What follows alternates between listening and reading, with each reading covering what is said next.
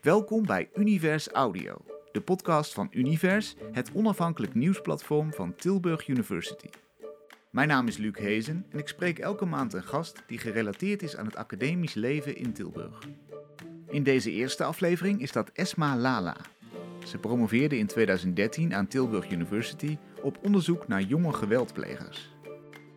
Tot de zomer van 2018 werkte ze als universitair docent victimologie, maar ze verliet de universiteit om wethouder van Tilburg te worden.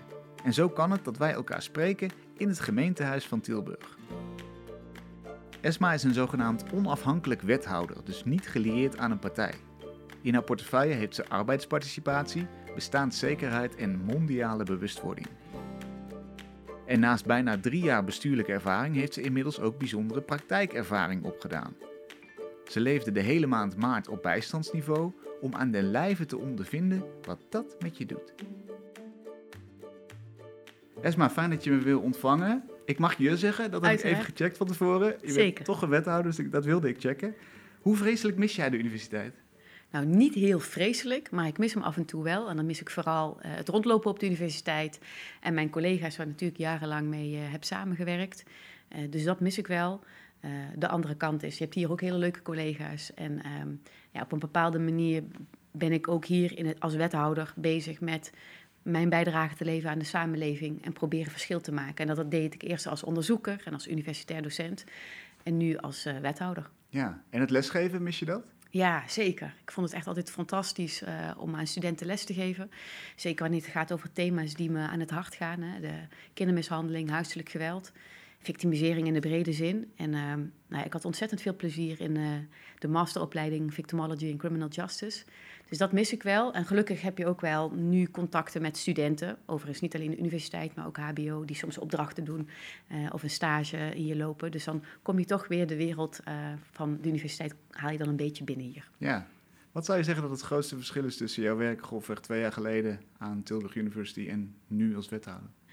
Uh, ik denk dat het grootste verschil is dat je als onderzoeker en uh, wetenschapper je steeds verder specificeert en uh, een ex, expertise opbouwt op een bepaald onderzoek. En dan ga je steeds meer in verdiepen. Dus je hebt ook steeds meer kennis van zaken en weet ook steeds meer wat er speelt. Niet alleen maar over je onderzoek, maar ook in de landen, um, maar ook internationaal, op beleid en wetgeving. Maar het is wel echt een, een afgebakend onderwerp, bij wijze van. En als wethouder ben je bezig met veel bredere thema's waarbij die kennis eigenlijk vooral wordt aangeleverd. Dat vind ik soms ook nog wel lastig, want het liefst zou ik dat allemaal tot in detail willen weten en misschien nog zelfs wel mijn eigen stukken willen schrijven. Ja. Als het gaat om speeches kan ik dat nog wel eens doen, maar als het gaat echt om uh, uh, beleidsvoorstellen, ja, dan heb je natuurlijk ook gewoon de ambtenaren die daar heel veel verstand van hebben. En je kunt niet van de hele portefeuille alles tot in de diepte weten. Uh, en je moet vooral richting geven. Nou, dat vind ik af en toe wel moeilijk, omdat ik natuurlijk jarenlang bezig was met uh, expertise op te bouwen op een bepaald gebied. Ja. ja, nu is dat natuurlijk veel breder. Je was eigenlijk een van die ambtenaren, bijna, bijna zonder dan een ambtelijk apparaat misschien, maar je was ja. zo gedetailleerd zat je erin dat... Ja, je deed onderzoek en daar kwam je met aanbevelingen in, in de hoop ook dat die aanbevelingen worden overgenomen door uh, gemeenten, door beleid, maar ook door wetgeving. Uh, om, uh, en, en in die zin is dat niet anders. Hè. Veel van de aanbevelingen gaan over Wanneer je bijvoorbeeld kindermishandeling wil doorbreken of huiselijk geweld, dan zul je dat integraal moeten doen. Dan zul je verder moeten kijken. Dan moet je kijken naar het systeem. Uh, moet je rondom het huishouden of het gezin gaan staan om een doorbraak te forceren. Uh, dan heb je het vaak over risicofactoren. Een van de belangrijke risicofactoren is armoede. Nou ja, dat zie ik nu ook alweer terug in mijn portefeuille, waarin ik me bezighoud met arbeidsparticipatie en bestaanszekerheid. Daar is armoede, lage opleiding, werkloosheid, bijstand zijn uh, belangrijke um, thema's, waar ik ook via maatwerk, integraal werken en als overheid natuurlijk ook nog eens nabijheid uh, en persoonlijk contact het verschil probeert te maken. Maar als onderzoeker lever je die aanbevelingen aan in de hoop dat gemeentes of wetgeving de suggesties opvolgen. En nu mag je zelf uh, richting geven. Ja. Wat zijn nou dingen die je nu kunt toepassen die je uit eerder onderzoek hebt gehaald of toen al hebt aangetoond? Nou, wat, je, wat, wat ik wist, en nu, nu is dat versterkt, is dat wanneer mensen um, geen perspectief hebben op bestaanszekerheid, dus wanneer ze zorgen hebben, financiële zorgen, is dat dat dan een hele belangrijke risicofactor is voor heel veel problemen. Voor bijvoorbeeld huiselijk geweld, kindermishandeling, jeugdcriminaliteit. Um, uh, nou ja, allerlei maatschappelijke problemen komen vaak voort uh, op het moment dat mensen stress hebben om de financiële situatie. Dus die bestaanszekerheid of dat perspectief op bestaanszekerheid krijgen, dat is eigenlijk een belangrijke voorwaarde om gezond en gelukkig in het leven te staan. Ja, dat haal je natuurlijk uit heel veel onderzoek ook. Um, er is nooit een één op één relatie met armoede en allerlei problemen, maar vaak zorgt uh, armoede wel voor stress. En die stress kan weer zorgen voor andere problemen.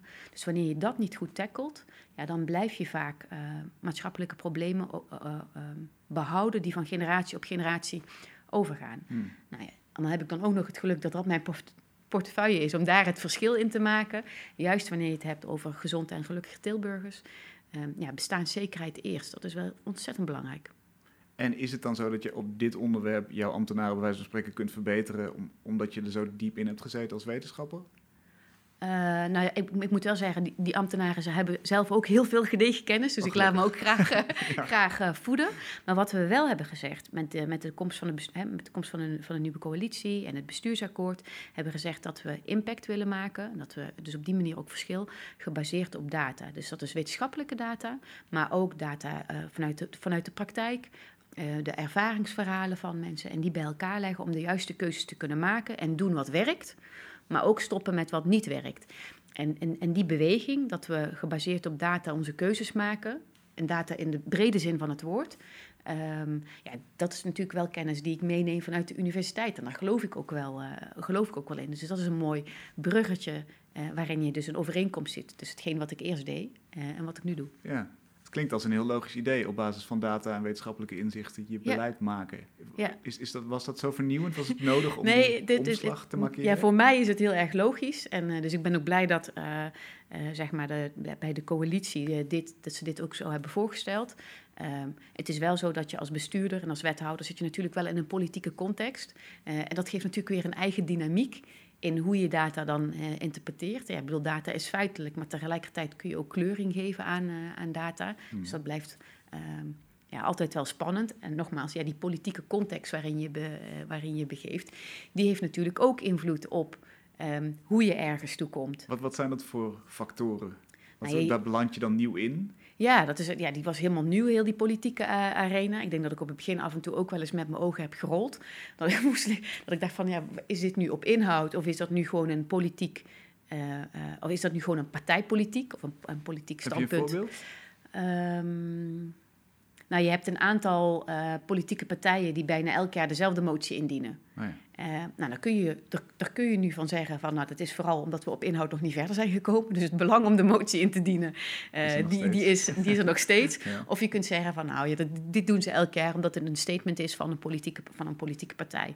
Um, ik heb dat wel meer weten te waarderen dan, uh, uh, dan aan het begin. In het begin dacht ik van ja, gewoon op basis van data ma maken gewoon de keuzes. Mm -hmm. um, maar je hebt natuurlijk zelf ook een bepaald mensbeeld over hoe je in de samenleving staat en hoe we het als samenleving verder moeten brengen. Ik denk, als je het hebt over gezond en gelukkig Tilburg, de titel en de leidraad van ons bestuursakkoord, ja, daar kan niemand het over oneens zijn. Iedereen wil gezonde en gelukkige Tilburgers en gezond en gelukkig Nederland, Nederlanders.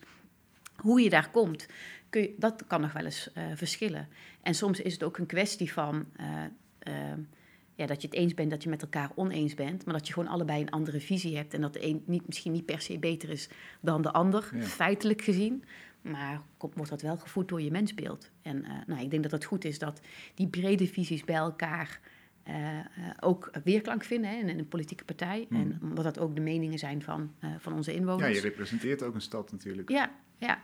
Um, en tegelijkertijd um, laat ik misschien ook wel zien, uh, juist als partij onafhankelijke wethouder, want ik ben niet gelieerd aan een politieke partij, ook nooit geweest, um, dat die verbinding wel degelijk kan. En dan noem ik altijd het voorbeeld van uh, het nieuwe beleid op het gebied van arbeidsparticipatie. Tilburg investeert in perspectief. Uh, nou ja, ik ben niet meer van een verdeling van politieke partijen in links of rechts. Hè. Ik denk dat dat doet geen recht aan uh, de vele verschillen die uh, partijen hebben. Maar even in de klassieke verdeling kunnen links en rechts niet verder van elkaar staan in hoe je mensen uh, met een uitkering het beste kunt activeren richting werk of gewoon maatschappelijke participatie. Um, en toch is het gelukt om met het nieuwe beleid, Tilburg investeert in perspectief, wat uitgaat van vertrouwen, nabijheid, maatwerk, unaniem door de raad te krijgen. En dat is wel, ja, iedereen herkent dus een stukje uh, van zijn partij en van zijn idealen in dat beleid. En dat is natuurlijk hartstikke mooi dat je op die manier verbindt. Ja. Heeft dat dan ook te maken met die datagedreven houding eigenlijk? Kun je daarmee het politieke er een beetje van afveilen, om het zo te zeggen? Ja, zeker. Ik denk dat dat zeker een uh, rol speelt. Um, en ik denk ook dat het meespeelt dat ik uh, partij onafhankelijk ben. Dus op het moment dat ik iets voorstel, is dat niet automatisch gekoppeld aan uh, partijpolitiek. Dus dat maakt het misschien ook wel makkelijker. Dus in die zin voel ik me uh, vaker partijrijk dan partijloos. Um, op het moment dat er echt een politiek debat wordt gevoerd, ja, dan, dan merk je wel, dan mis je een beetje sparring en achterban. Uh, maar op basis van data keuzes maken die impact hebben, ik denk dat dat zeker ja, de, de politieke angel er soms uit kan halen. Ja, wat interessant. Met een soort, soort Zwitserland in, in de heel neutraal. Ja, veel als Zwitserland, maar uh, ik, kan me, ik kan me zo voorstellen, zeker nu na de landelijke verkiezingen, maar uh, uh, zeker na de zomer, wanneer de gemeenteraadsverkiezingen weer gaan spelen, dat ik misschien dat Zwitserland even geen rol heeft. Oh, oké. Okay. dat, dat, zullen we moeten gaan ervaren. ja, ja, ja, zeker. Je hebt naast je raadswerk en, en natuurlijk in lijn daarmee ook wel een interessant onderzoek gedaan. Je bent een maand lang op bijstandsniveau gaan leven. Klopt wat maak je dan mee? Laten we eens vaststellen op, op hoeveel geld gaat het dan? Ja, eh, de, de bijstand en wat iemand overhoudt in de bijstand is heel erg verschillend. Dus er is ook niet één bijstandsnorm. Bijstand is afhankelijk van het type huishouden. Daar zit ook wel meteen een, een pijnpunt waarvan ik denk van dat moeten we zo niet doen. Hè. Ook met kostendelersnorm. Um, dus het is heel erg verschillend wat iemand netto aan het einde van de maand overhoudt aan leefgeld. Gemiddeld genomen, als je nog niet zo lang in de bijstand zit en je hebt geen schulden, hou je ongeveer tussen de 400 en de 500 euro over. Afhankelijk van de huur die je, bepaalt, eh, die je betaalt. En of je recht hebt op toeslagen en dergelijke. Um, maar als je langdurig in de bijstand zit, zijn er vaak ook schulden. Um, heb je ingeteerd op je eigen vermogen? Um, heeft men vaak wat minder. en uh, omdat ik ook in aanmerking wilde komen of wilde voelen hoe het is om bijvoorbeeld aanspraak te moeten doen op de voedselbank of allerlei andere bijzondere regelingen, heb ik het NIBUD-criterium aangehouden. En dat wil zeggen dat is het niet veel, maar net toereikend criterium. Uh, nou, ik heb ontdekt dat het niet veel is en ook niet toereikend. Uh, en dat gaat uit van 40 euro per volwassen persoon per week. En elke volwassene die daarbij zit, nog 10 euro bij. Nou, ik heb twee opgroeiende pubers in huis. Die zijn de helft van de tijd bij mij. Dus ik heb ze gerekend als één volwassene. Dus dat betekent 40 euro plus 10 euro. Dus dat is 50 euro leefgeld in de week. Komt ongeveer uit op 250 euro leefgeld in de maand. Uh, en daar moet je dan alles mee betalen, uh, met uitzondering dan van de vaste lasten, want dat heb ik niet gedaan. Maar ik heb alle losse abonnementen gestopt. En vervolgens dus daarmee uh, alle boodschappen, kleding, losse rekeningen, benzinegeld. Nou, ik heb de auto laten staan, dus in die zin heb ik daar niet zo heel veel kosten aan gehad. Maar alles wat op je afkomt om het daarmee te betalen. En dat is geen vetpot, kan ik je vertellen. Nee, wat, ja. je hebt er verwachtingen van, denk ik, voordat je eraan begint. Ja. Hoe zijn die uitgekomen? Ja, je, je, begint met het idee van ik wil een beetje ervaren hoe dat is. En misschien goed om te zeggen dat ik nooit kan ervaren hoe het is als je langdurig in de bijstand zit. Het begint met ook niet als ik dat twee maanden had gedaan en ook niet als ik dat een half jaar had gedaan. Omdat het voor mij een keuze is om het te ervaren. En daar zit alle verschillen. Mensen kiezen er niet voor om een bijstandsuitkering aan te vragen of om langdurig in de bijstand zitten.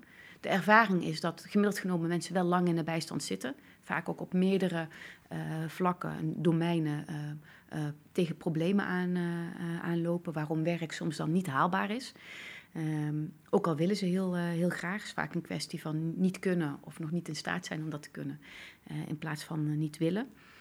Um, en wat ik dan tegen. Dus ik wilde dat voelen hoe dat was. En waar je dan allemaal mee te maken hebt. Dus dat is de eigen gemeentelijke organisatie om een bijstandsaanvraag te doen. Maar ook alle organisaties eromheen die, uh, waar je een beroep op kunt doen. Denk bijvoorbeeld aan de Voedselbank of Stichting Leergeld of Bijzondere Bijstand. Of de belasting om uh, toeslagen te vragen. En, en, en, nog veel organisaties die er zijn. Maar daardoor zie je door de bomen ook het bos niet. Je weet eigenlijk niet precies waar je, uh, waar je moet zijn. Hmm. Um, en ik wilde ervaren van nou, dat nieuwe beleid dat uitgaat van vertrouwen, persoonlijk contact en nabijheid. Waar schuurt dat nou met een wet die eigenlijk vergaand en dwingend is? En uh, waar botst dat ook uh, met het eigen beleid? dus die twee ervaringen die maakten dat ik dat wilde gaan doen.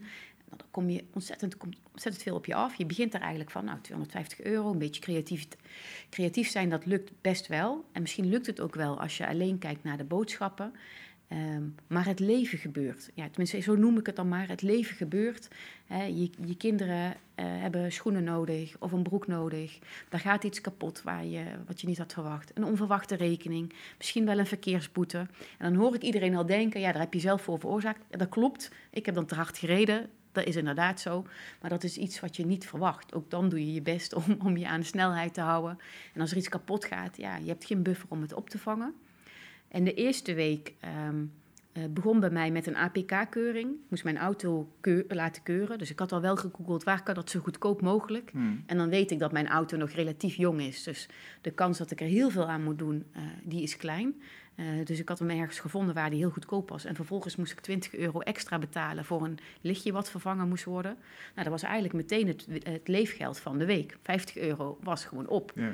Ondertussen heb ik nog wel gewoon kinderen die ik gewoon uh, gezond wil laten eten. Voldoende fruit, voldoende uh, verse groenten. Um, en ik kreeg die week ook nog eens uh, dat mijn 17-jarige puber, en dat komt echt niet vaak voor, uh, mij een appje stuurde: Wil je deze boodschappen halen? Want dan wil ik vanavond koken. Fantastisch natuurlijk dat hij wil koken, dan moet je vooral koesteren.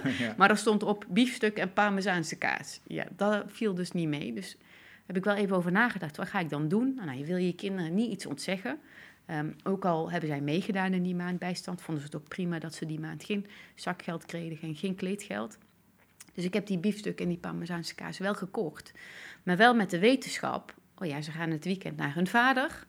En dan skip, skip ik zelf gewoon de maaltijd. Ja, een zak paprika chips vult dan ook. Dat heb je eh, als avondeten gehad? Ja, dat heb ik een paar dagen als avondeten gehad. Dat was 58 cent, dus ik kon zo weer een beetje inlopen in dat, uh, in dat leefgeld. Maar ja, de week erop gebeuren er weer dingen. En je hmm. kunt niet blijven, uh, blijven inlopen. Dus wat me opviel is dat ongezond eten echt veel goedkoper is dan gezond eten. Dat was me nooit zo opgevallen. Maar als je hmm. echt verse groenten en fruit...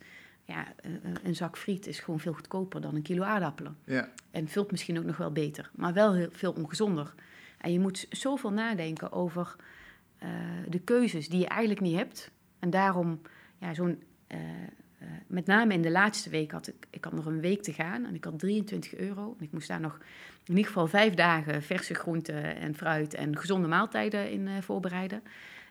Ik, heb toen ruim een uur over zo'n boodschappenlijstje gedaan, waar ik de hele tijd ben aan het schrappen en de prijzen opgezocht. En vervolgens boodschappen gedaan. En dan voel je al natuurlijk de stress. Statiegeldflessen ingeleverd. Misschien lukt het dan nog net wel. Ja, voel je echt die stress? Ik voelde die stress uh, uh, met name die laatste week. In het begin denk je nog, dat loop ik wel in. Maar het wordt steeds moeilijker. En op het moment dat je uh, begint aan eigenlijk je laatste geld... ja, dan ga je... Dat, ja, dat vond ik niet fijn. En toen stond ik bij de kassa. En toen had ik ook nog eens verkeerd berekend. Dan had ik 50 ehm, cent te veel, dus dat kon ik niet betalen. Dus ik moest een pakje tomatenpuree terug, teruggeven. En de meneer uh, van de supermarkt zei ook van... oh, heeft hij per ongeluk dubbel aangeslagen? Nee, dit moet echt gewoon terug, ik kan dit niet betalen. Ja, dan denk je echt, waar is het gat in de vloer? Ik wil gewoon verdwijnen. Ja, dat is gênant. Ja, dat is niet, dat is niet, dat is, ja, ik voelde het echt gewoon mijn hart kloppen in mijn keel. Heeft ook wel die dag ook wel heel lang gebleven voordat het wegging. Hmm. En toen kwam, de, toen kwam het besef pas, oké, nou heb ik misschien vijf dagen gecoverd. Maar ik heb nog maar 5 cent, dus dan, dan mag niks meer gebeuren. En uh, het maffe is dan dat je dus... Uh, dus ik mijn post niet ging openen. En tuurlijk weet ik dat ik na een paar dagen die post gewoon kan openen. Ja. Dus dat zal niet leiden. Maar je doet, je doet eigenlijk precies de dingen die je juist niet moet doen. Maar ik dacht ook, ja, ik kan mijn post gaan openen. Als daar een rekening tussen zit die ik niet kan betalen. Ja, ik heb maar 5 cent. Wil ik het liever niet weten. En terwijl vaak dan ook de ellende begint. Hè? Dus dan heb je een rekening die niet betaalt, komen er incassokosten, incassobureau. En voordat je het weet heb je een hele eenvoudige uh, of een simpele rekening... Uh, van een, misschien wel een eenvoudige schuld die ineens heel problematisch wordt. Dus het was rationeel weet ik dat je dat niet moet doen. En toch verviel ik zelf ook in die, uh, in die reflex. Je bent continu bezig met, met overleven en continu hopen maar dat er niks, niks gebeurt. Ja. Is dit nou andere kennis die je opdoet door zo'n praktijkonderzoek dan de kennis die je kent uit wetenschappelijke studies of, of uit andere, andere studies? Ja, je, je weet het wel, theoretisch. Dus in die zin zijn de dingen die ik, die ik zelf heb ervaren niet nieuw. Dat krijg ik natuurlijk ook terug van de gesprekken die ik heb met mijn inwoners. Zeker die langdurig in de bijstand zitten. ook wat zij tegenkomen als je het hebt over de participatiewet en de bejegening. Ehm, ehm, dus niet heel veel nieuwe inzichten, maar je ervaart het wel op een andere manier. En denk los van deze maand die ik zelf heb ervaren, heb ik, uh, heb ik ook de maand gebruikt om uh, veel met inwoners te praten die langdurig in de bijstand zitten. Dat wilden ze overigens ook zelf, juist omdat ik deze maand doe. Dan gingen we een wandeling maken en dan had ik anderhalf uur een gesprek over hoe zij dat jaar in jaar uit hebben beleefd. En dat zijn verhalen die op een andere manier worden verteld. En ook waar je uh, raakvlakken of herkenningspunten in hebt. In bijvoorbeeld wanneer je input ophaalt voor beleid. In waar het anders moet. Dus het komt veel, ja, nog veel meer binnen. En nogmaals, ik kan het nooit helemaal begrijpen, maar wel iets beter. Maar ook soms nieuwe inzichten. Bijvoorbeeld, um, we hebben met het nieuwe beleid Tilburg investeert in perspectief. Waarvan ik al zei dat dat uitgaat van vertrouwen en nabijheid. Um, hebben we daar klantregisseurs voor, waar we heel duidelijk in ons beleid een, een knip hebben gemaakt tussen iemand die de uitkering beoordeelt, dus je recht op uitkering, dat moet je ook doen vanuit de wet, dus de rechtmatigheidsconsulent. En iemand die samen met je gaat kijken van, nou waar gaat je hart nou sneller van kloppen? Waar ben je mee geholpen? Waar zie je jezelf over een jaar en over een half jaar, of over een half jaar en een jaar? En hoe kunnen we daar naartoe werken? Dus je hebt een coach die naast je gaat staan en, en je hebt iemand apart die de, die, uh, de uitkering beoordeelt. Mm. Er zit inhoudelijk een hele goede reden in waarom wij die knip hebben gedaan. Maar wat ik me niet heb gerealiseerd, maar wel door het experiment, is dat je eerste contact met de gemeente is er een waarbij je de uitkering aanvraagt. En die is heel wettelijk, heel zakelijk, heel juridisch. Nou, er worden ook allerlei termen gebruikt waarvan ik me afvraag, nou, als dat dan wettelijke termen zijn, ja, staat, sta, staat wel haaks op dat vertrouwen. Bijvoorbeeld, ik heb een uh, bijstandsaanvraag ingediend. Nou, dat is natuurlijk allemaal bijna digitaal. Um, nou, ik kreeg het schriftelijk formulier toegestuurd. Uh, je googelt dan ook aanvraag bijstand. En als je bijstand uh, intypt, kom je al heel snel op fraude en inlichtingenplicht. Ja, dat staat natuurlijk haaks op, op, op vertrouwen. Dus oh ja, ik snap dat is de wel, context die je tegemoet ja, treedt. Als je... En dat wordt pas uitgelegd op het moment dat je uh, de persoon voor je hebt. Als je de rechtmatigheidsconsulent spreekt, die kan dan uitleggen waarom de wet is zoals die is en waarom we bepaalde dingen vragen. Maar je eerste indruk is een hele andere. En vervolgens doe je dan, uh, vul je zo'n formulier in. Nou, dan moet je een verklaring ondertekenen dat je uh, de juiste informatie hebt gegeven en dat je volledig bent geweest. Want onjuiste informatie en onvolledige informatie kan leiden tot uh, strafrechtelijke procedure. Nou, als ik dat drie keer lees, ik raak daarvan in de stress. Uh, niet zozeer met onjuiste informatie, die snap ik wel, maar onvolledig, ja, ik weet niet wat ik niet weet. Hmm. Um, dus het is best wel een hele, dat, dat, is ook, zit in de wet. Zeg maar, en die context, die, ja, die wordt pas gevuld op het moment dat je iemand spreekt. Nou, dan word je opgeroepen tot een meldingsgesprek. Waarom noemen we dat niet gewoon een kennismakingsgesprek? En dan voordat de uitkering is toegekend en je dus in gesprek komt met je coach, ja, dan ben je al een aantal weken verder. En ik kan me heel goed voorstellen dat de toon die dan gezet is vanuit het, de, het wettelijk kader, dat hè, de P-wet gaat, is gewoon heel erg uh, uh, uh, gebaseerd op een wantrouwend mensbeeld en heel erg controlerend en vergaand. Mm. Um, dat, dat, dat vertrouwen veel later pas in het proces komt. Dus dat moeten we gewoon anders. En deel moet het Rijk anders doen, maar deel kunnen wij in, in onze eigen communicatie ook aanpassen. Dus daarin zie je dat er is over nagedacht, over waarom we dat doen. Maar de uitwerking is er misschien wel één die je niet wil op deze manier. Ja. En als ik dan weer even terugschakel naar bijvoorbeeld wetenschappelijk onderzoeken dan staat dit daar heel ver van af. Dan die, die hele belevingskant zit natuurlijk op geen enkele manier eigenlijk in wetenschappelijk onderzoek verweven. Nee, hoewel er natuurlijk wel heel veel rapporten zijn en evaluaties over de participatiewet. En dat de wet niet voldoet in waar het, voor, uh, waar het toe beoogt. Hè. Dus die mm. zijn er genoeg. Die waren er vorig jaar ook, maar het kabinet heeft daar nog niet veel mee over gedaan. En er zijn ook veel, steeds meer onderzoekers die ook zeggen over de onmenselijkheid van, uh, um, van, de, van deze wet. En um, bijvoorbeeld het beleid, uh, Tilburg investeert in, perspectief, is gebaseerd op een aantal experimenten, waaronder bijvoorbeeld het, het vertrouwensexperiment. En daarvan heeft uh, een onderzoeker van, het, van de Universiteit van Tilburg heeft hier lokaal daar onderzoek naar gedaan. Het vertrouwensexperiment liep in meerdere steden om te laten zien of vertrouwen en ruimte geven nu maakt dat mensen sneller uitstromen naar werk. Dus dat hebben we onderzocht. Mm. Um, daar zijn ook conclusies uh, uitgekomen waarin je ziet dat volledige uitstroom naar werk wellicht niet, Maar als je het hebt over welbevinden en gezondheid en stappen zetten op de participatieladder, participatieladder zeer zeker wel. Nou ja, en heel, dat, heel die pilot en om die werkzame elementen, uh, ook om daar nieuw beleid van uh, te maken, dat is geëvalueerd door, door de universiteit. Dus die bejegening komt wel, komt wel terug. De onmenselijkheid ergens komt wel terug. Maar deel is ook gewoon communicatie. Communicatie, communicatie, communicatie. En je bewustzijn van het feit dat mensen die afhankelijk zijn, die afhankelijk van jou zijn, Mm. afhankelijk van een gemeente zijn, ehm, dingen anders interpreteren en ervaren dan hoe jij dat soms bedoelt. En daar moet je wel scherp op zijn. En als je die ervaring niet hebt, of als je nooit in armoede hebt geleefd, of als je geen mensen in je omgeving hebt, ja, dan is dat wel moeilijk om daar continu bewust van te zijn. En ik zeg niet dat ik dat wel continu ben, ik kan dat ook niet. Mm. Uh, maar zo'n experiment helpt wel, of zo'n soort van klantreis volgen, helpt wel uh, in bedenken van, oh, maar daar moet het anders. Of daar moeten we extra aandacht aan besteden. Of uh, als we dit zeggen, dan komt dat al heel anders over. Ja. Vlak voordat je overstapte in 2018 zei je tegen Univers, je kijkt vooruit op deze baan en je zei het onderzoek dat duurt vrij lang voordat je iets zichtbaar kunt maken. Er wordt niet zo snel iets overgenomen in beleid. Ik wil graag een voetafdruk achterlaten. Is dat nog steeds uh, wat je wil en heb je dat kunnen bereiken nu de afgelopen twee jaar? Voor je gevoel meer dan aan de wetenschappelijke kant? Ja, ik, ik um, nou ja, zoals ik in het leven sta, is dat een samenleving die maken we samen. En, uh, en dus samenbouwen, samenwerken, samenleven. Uh, daar geloof ik heilig in.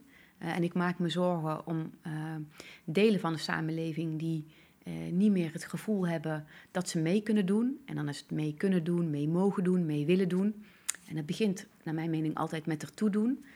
waarbij er dus uh, waarbij er recht wordt gedaan aan de talenten die iedereen heeft, maar ook oog voor de kwetsbaarheden. En ik maak me zorgen dat steeds meer groepen het gevoel hebben dat ze er niet toe doen en daarom ook niet meer mee willen doen. Dat is wat me dreef daarvoor als onderzoeker om proberen uh, genuanceerd beeld te schetsen. Nou, bijvoorbeeld in de relatie tussen, waarin ik probeer de relatie probeer te onderzoeken tussen kindermishandeling en jeugdcriminaliteit. Ik denk dan kunnen we ons vooral richten op, op de criminaliteit en het gewelddadig gedrag. Maar als we niet kijken naar de oorzaken, dan houden we iets in stand. Hè? Dus, uh, en dat vooral dat doorbreken en zorgen dat we samen die samenleving maken, dat vind ik heel erg belangrijk, ook in mijn vrijwilligerswerk. Dat vind ik nu nog steeds heel erg belangrijk, ook als wethouder. Juist met de portefeuille die ik heb, hebben veel mensen het gevoel dat ze er niet meer toe doen en dat ze niet mee tellen en dat ze niet mee mogen doen. Uh, soms omdat ze niet mee kunnen doen en de ondersteuning missen. Um, dus daar, ook daar ben ik mee, uh, mee bezig. En als je het dan hebt over onderzoek duurt heel lang. Zeker wanneer je het hebt, ja, onderzoek ben je vaak een jaar bezig. Of je bent een voorstel aan het schrijven, dan moet je nog subsidie krijgen. Dan ga je het onderzoek doen en dan je aanbevelingen. En dan in de hoop dat ze een deel van je aanbevelingen overnemen. Ja, als, als wethouder um, kun je makkelijker sturen, kun je wat makkelijker keuze. Maar ook daar heb ik gezegd, willen we op basis van data impact maken. Uh, nou, op het moment dat je iets voorstelt en de raad daarover, uh, natuurlijk de raad die geeft je de opdracht, maar de raad is ook degene die beslist. Um, nou, ik kan me voorstellen, als ik een beetje kijk naar het traject van de afgelopen drie jaar, heb ik nu het hele beleid vernieuwd. Zowel op het gebied van arbeidsparticipatie als op bestaanszekerheid, als op mondiale bewustwording. Nou, dat heeft ongeveer een jaar geduurd om dat beleid vorm te geven door de raad en het akkoord. En nu zijn we bezig met de uitvoering. Dus het gaat iets sneller. Ja. Um, en ik dacht ook dat ik heel veel geduld heb, maar ik begin wel een beetje ongeduldig te worden. En wat mij betreft moet het nog sneller. Zeker nu ook vanwege uh, corona. Ja, corona belemmert natuurlijk de uitvoering en een heleboel. Maar laat eigenlijk ook zien um, dat die tweedeling uh, steeds groter wordt. Hmm. En uh, dus ja, ik blijf onverminderd daar uh, vol energie en passie uh, mijn hart voor, uh, voor maken. Heb ik dan verschil weten te maken? Ik denk dat we de keuzes die hebben gemaakt in beleid om vanuit vertrouwen onze inwoners te benaderen, persoonlijk maatwerk, persoonlijk contact, maatwerk, maar ook integraal kijken, waarin we niet onze systemen meer centraal stellen, maar vooral de leefwereld van onze inwoners. Nou, dat zie je denk ik heel erg terug in de projecten en in het beleid dat ik voer. Maar de uitvoering moet nog wel tot wasdom komen. Ja, maar daar heb je nog even de tijd voor, toch? Voordat er weer nieuwe... Ja, ik heb in ieder geval nog een jaar. En nou, dan hoop ik dat corona snel, dat we full swing in die uitvoering aan de slag, uh, slag kunnen. Uh, en ik denk dat ik over een jaar nog niet klaar ben. Dus wat mij betreft ga ik nog, nog vier jaar door. Ja. Maar dat zal... ik ben nog niet klaar met Tilburg, maar de vraag is of Tilburg al wel klaar is met mij. Dat zullen we zien. Goeie slogan. als je het hebt over de tweedeling in de maatschappij en, en het idee dat je als wetgevende macht en misschien wel hoger opgeleid die in het openbaar bestuur iets wil doen, dat veel studenten misschien worden, in ieder geval veel hoger opgeleide studenten komen nooit in de positie om aan de onderkant te zitten en inderdaad de klantreis, zoals je het net verwoordde, te maken. Wat is dan je boodschap voor studenten? Zouden die een soort van sociale dienstplicht, zeg maar, dat heb je natuurlijk voor scholieren, zou dat ook voor studenten moeten gelden? Zouden die ook zoiets moeten doen? Ja, er, er wordt nu natuurlijk naar, naar, aanleiding van dit onderzoek van die maand uh, mij regelmatig gevraagd van vind je, vind je dat alle bestuurders dit moeten doen of dat het kabinet het moet doen of Tweede Kamerleden. Het is ook iets wat bij je moet passen. Uh, ik denk dat je al heel veel uh, ervaring kunt opdoen door vooral ook gewoon de gesprekken aan te gaan. Um, daar haal je natuurlijk hartstikke veel input uh, uit. Um, je kunt um, uh, meelopen met organisaties waarbij ook deze doelgroepen, die er voor deze doelgroepen zijn. Ik bedoel, uh, er zijn er genoeg in onze stad, maar ook in de samenleving, waarin je heel veel input hebt. en tegelijkertijd denk ik, ja, ook studenten, ook al zitten ze op de universiteit en zijn ze vaak hoger opgeleid, die kennen natuurlijk een, diver, een diversiteit aan waar ze vandaan komen. Sommigen hebben misschien zelf ouders gehad uh, die in de bijstand hebben gezeten. Uh, en die hebben ook die weg moeten bewandelen en moeten vinden richting universiteit. Uh, dus als je, dat, als je die ervaring hebt, koester hem. Ehm, ik denk dat het vooral goed, goed is om los van de theoretische modellen die er zijn, altijd daarnaast ook de narratieven te gebruiken. Want die geven tekst en kleuring. En um, ik ben zelf, ik kan on ontzettend passievol over cijfers zijn en SPSS en analyses en significante verschillen. Uh, dat loop ik nog steeds warm. Uh, en als ik er nu weer over praat, dan denk ik, oh ja, dat miste ik ook wel om achter mijn SPSS-bestandjes te analyseren. Ja. Um, maar die narratieven, die zijn ontzettend belangrijk. En als je het hebt over wetgeving maken of beleid, vergeet dan de uitvoering niet. Dat gaat soms wel eens mis. Maar beleid is papier. Uh, op het moment dat je het hebt vastgesteld, ben je ook niet klaar. Dan zul je moeten gaan kijken van hoe werkt de uitvoering. En geef dan, uh, ja, zoals ik al zei, ruimte om die narratieven van de doelgroep die het betreft. Of dat nu gaat om uh, mensen met gebrek, die perspectief op bestaanszekerheid nog niet ervaren. Of mensen in de bijstand. Of mensen met WMO-voorziening, maakt niet uit die narratieven, maar geef ook de professionals de ruimte om aan te geven, ja, maar dit werkt wel of dit werkt niet. Hmm. En op het moment dat die twee elkaar niet meer vinden, dus van bovenop en van onderaf, of misschien is boven en onderaf niet meer de juiste term, maar dat die elkaar uh, vinden, ja, dan, dan, ga je, uh, dan ga je losstaan van de realiteit en krijg je misschien ook situaties zoals bijvoorbeeld de toeslagenaffaire. Hmm. En is, zou je die parallel niet door kunnen trekken naar, naar eh, wetenschap in bredere zin. Dus wetenschap is papier, je zijn het beleidspapier. Wetenschap ook. Je hebt ook het leven buiten de universiteit, buiten die ivoren toren, wat het soms toch nog is. Ja, ja dat zou ik ook zeker uh, adviseren. Gelukkig zie je dat wel steeds uh, meer. Dat er um, ook naast fundamenteel onderzoek ook praktijkgericht onderzoek. je ziet ook tussen HBO's en universiteiten veel meer samenwerking. Uh, ik zie de verandering overigens ook uh, op de universiteit zelf, zeker Tilburg University. Uh, voorheen was het een stad met een universiteit, maar het wordt steeds meer een universiteitsstad. Ik denk dat dat ook belangrijk is, dat ook de universiteit de deuren open doet. Ehm, je ziet ook steeds meer een, echt een maatschappelijke betrokkenheid bij de wetenschappers en vanuit maatschappelijke vraagstukken beredenerend wat nodig is. En ik denk dat dat een hele goede beweging is, want vanuit die Ivoren Toren kun je heel mooi uh, adviezen geven, maar die kunnen in de uitvoering of in de realiteit wel eens anders uitpakken. Dus ja. je hebt elkaar wel nodig daarin. Ja. Ga je ooit nog terug, denk je, naar de universiteit? Dat is een goede vraag. In principe heb ik voor vier jaar politiek verlof genomen. om daarnaast te kijken van wat ik zou willen doen. Um, ik kan nog steeds ontzettend warm uh, uh, lopen van onderzoek. Uh, in die zin mis ik de universiteit en mis ik ook zeker het lectoraat dat ik in Groningen had. Dat zich bezighield met de integrale aanpak van kinder, kindermishandeling. Uh, maar ik moet zeggen dat de wereld waarin ik nu zit als bestuurder zo uitdagend is. En waar je het ene moment met een inwoner in alle openheid die zijn of haar verhaal met je deelt en proberen op die manier verschil te maken. En op een ander moment ben je bezig met de stad over 30, 40 jaar, waarbij je ook de wetenschap gebruikt. Um, ja, dat vind ik ook wel fantastisch. Ja. Laatste vraag. Is er vanuit de positie die je nu hebt een aanbeveling te doen of misschien een inzicht te delen over hoe die universiteit misschien anders ingericht zou moeten worden? Bijvoorbeeld de ervaring die je had van, vanuit je eigen onderzoek. Hè? Dat is natuurlijk anekdotisch bewijs, maar misschien is dat wel, zou dat belangrijker moeten zijn in wetenschappelijke kring? Of? Ja, ik vind met name de, de, de verantwoordelijkheid ehm, die de wetenschap ook heeft om een bijdrage te leveren aan de maatschappelijke vraagstukken van, van hier en nu. Ehm, eh, die mag nog veel sterker gevoeld worden. Dus die, ik zie de beweging gelukkig al wel uh, gemaakt worden. Ehm, dus dat is niet nieuw, maar dat mag veel steviger. Want we hebben gewoon de wetenschap ook nodig om de juiste keuzes te maken. Op welke terreinen bijvoorbeeld schets het is? Wat, wat, Nou ja, bijvoorbeeld wat corona nu met ons doet en met de samenleving met, uh, met ons doet. En hoe we naar een, een nieuw normaal gaan, of het nieuwe normaal, uh, wat dat dan precies is. En wat het blootlegt. En ehm, ik denk dat zeker in het begin van, van corona, het eerste half jaar, we met elkaar eigenlijk alle bureaucratie en organisaties loslieten en gewoon gingen doen wat nodig was. Nou, hoe langer het duurt, langzaam begint dat ook alweer dat gevoel van solidariteit um, wordt wat minder.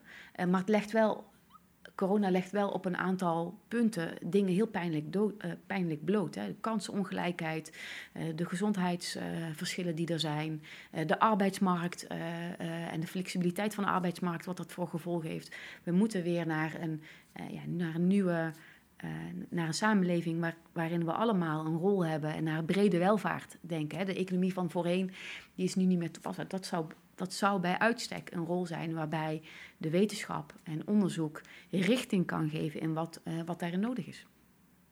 Mooi, mooie aanbevelingen. We zullen zien uh, hoe lang je politiek verlof nog duurt. Misschien tot ziens daarna. Ja, wie weet. Dankjewel. Dankjewel. Dit was aflevering 1 van Univers Audio. De tweede hoor je begin juni. Tot dan.